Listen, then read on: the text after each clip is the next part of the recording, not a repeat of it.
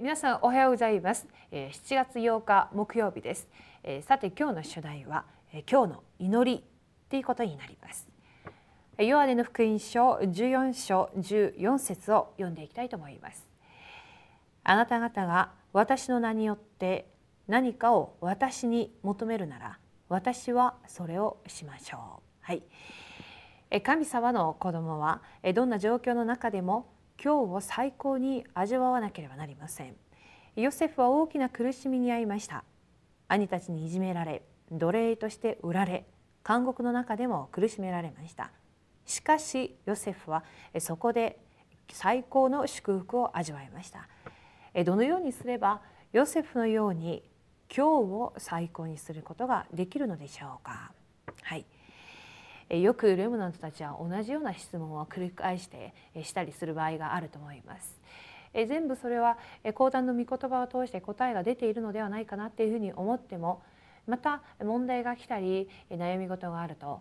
ついつい御言葉のことを忘れてしまったりする場合が多いんですがそれはどうしてなんでしょうか？実はですね今日という一日のスケジュールがまだ整理されていなかったりするからだと思います。そのスケジュールっていうのは、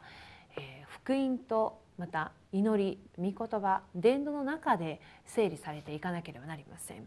それが今日という一日を最高にする奥義となっているんですが今日はですねそのスケジュールについてどのように私たちが整理してまた、えー、作っていけばよいのかを見ていきたいと思います。で大きな一番です。はい、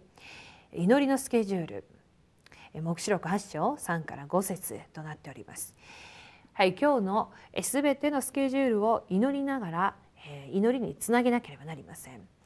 えパウロは祈りの場に行く途中ルディアに出会い占いをする女に出会いました。牢の中でも祈りを通して神様の働きを体験しました。また肉体の病気で苦しむ時にも最高の祝福を味わいました。今日を祈りのスケジュールの中で味わっていると答えは必ず神様が与えられます。はい、今日のヨハネ14章14節にこのようになっていますね。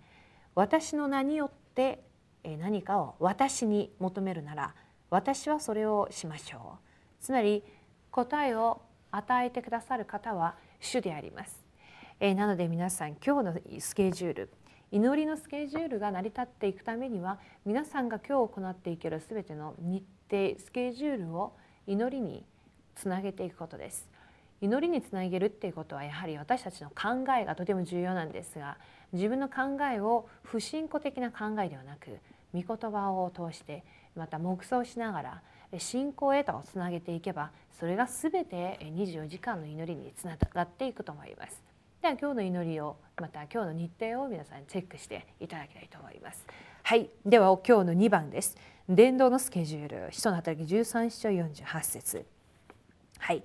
え今日の祈りの中で今日の伝道スケジュールを立てなければなりません。自分の日課表を中心に伝道計画を立てるのです。もし塾に行くとしたらそこで会う友達に渡す伝道資料を準備するとか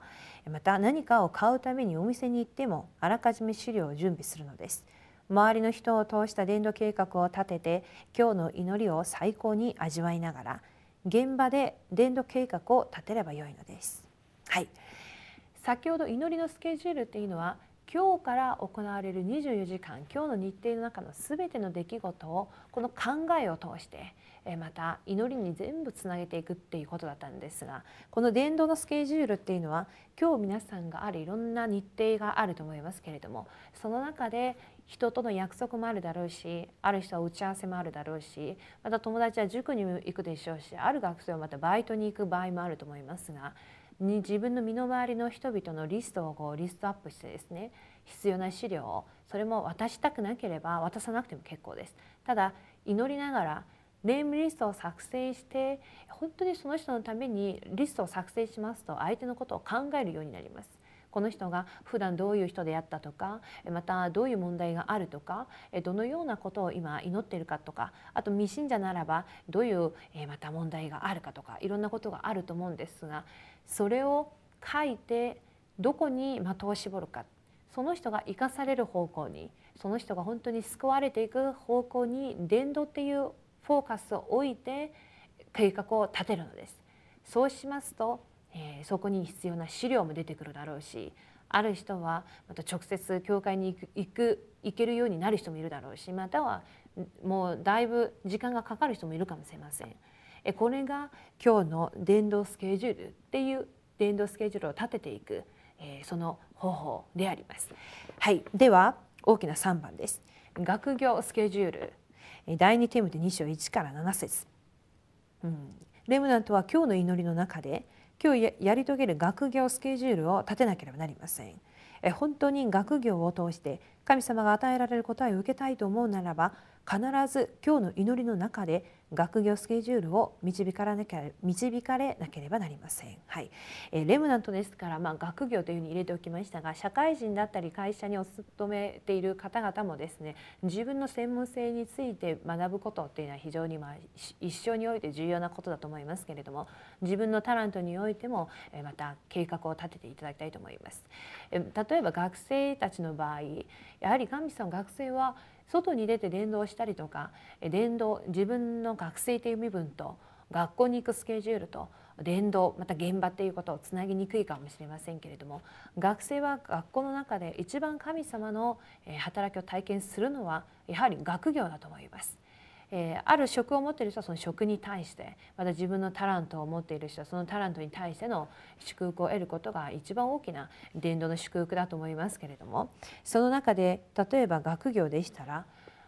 今日の祈り御言葉伝道をあらかじめ私たちが計画を立てて動いていくように学業に対しても今日の復習また今日の予習また今日の例えば明日やる科目だとか授業に対して自分が普段非常に苦手な部分を置いて集中的に勉強したりとかっていうことを祈りとつなげてやっていくならばそしてそれで答えを受ける理由が福音化のために明確であるならば必ずそこに主は主の名前によって主が直接答えてくださると思います。はい